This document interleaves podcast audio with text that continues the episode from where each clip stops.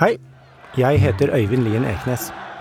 Da jeg vokste opp, var jeg fotballfrelst, og Norges landslagstrener Egil Røe Olsen var den viktigste personen i hele livet mitt. Drillo, Egil, Roger, Olsen. Du er i samme klasse som Ibsen og Grieg. Du har gjort Noreg verdensberømt. Du har funnet opp fotball på nytt. I 1999 var det ekstra spennende. Drillo skulle trene engelske Wimbledon i selveste Premier League.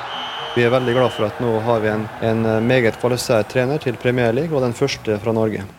En klubb som nylig var kjøpt opp av de norske milliardærene Kjell Inge Røkke og Bjørn Rune Gjelsten. Wimbledon var i grunnen herr Gjelsten som ville ha en, eh, en fotballklubb Borti London. borte i London. Og vi hadde ikke råd til det største og det beste, så vi kjøpte jo det Nei, altså, bortimot det dårligste. Det var ikke alle som hadde troa på at den defensive Drillo-stilen ville funke i fotballens hjemland. Ja, Det ble en eh, vond dag for Wimbledon og Egil Olsen i engelsk eliteserie i dag. Foran nær 16 000 tilskuere sviktet Wimbledon fullstendig mot seg Det gikk 15. ikke så bra for eh, Drillo sitt eh, lag i kveld, så Det var, det var en klassisk eh, Drillo-forestilling. Helt jævlig å se på. Nå har jeg laga en dokumentar om dette store norske fotballeventyret. Det er bare én ting som gjelder akkurat nå, og det er å overleve.